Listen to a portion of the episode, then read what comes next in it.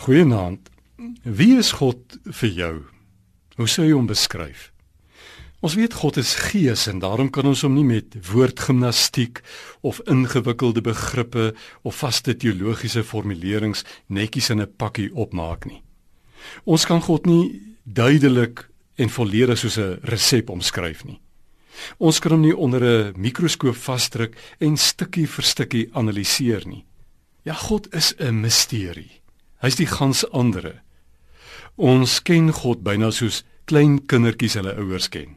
Intiem, maar onvolledig. Vol gemaklike vertroue, maar sonder veel besonderhede. Kinders het maar 'n 'n vae begrip van hulle ouers se geaardheid en belangstellings en bedrywighede. En tog vertrou en bewonder hulle hulle onvoorwaardelik. Dit is egter duidelik dat jy nie hoef te volstaan met die gedagte dat hy nou eenmal 'n onkenbare misterie is nie. Natuurlik sal 'n ware beeld van God altyd hier voor ruimte laat, maar hy laat hom tog ook ken. En 'n mens se prentjie of beskouing van God is ontsettend belangrik, want dit bepaal die manier waarop jy as gelowige leef. As jou prentjie net 'n negatiewe straffende beeld van God is, word jou godsdienstbelewing al onaangenamer na mate jy al hoe godsdienstiger word.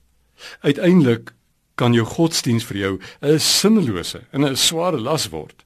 Was dit dan nie juist die geval met die skrifgeleerdes en die fariseërs nie? Maar met 'n positiewe, liefdevolle prentjie van God in jou agterkop, word jou geloofslewe 'n vreugde en 'n vervulling. Ons kan so oor hom dink want in Christus Jesus het God nader aan die mens gekom en aan ons sy gesig kom wys. Aan die kruis het hy sy hart vir die mens ontbloot.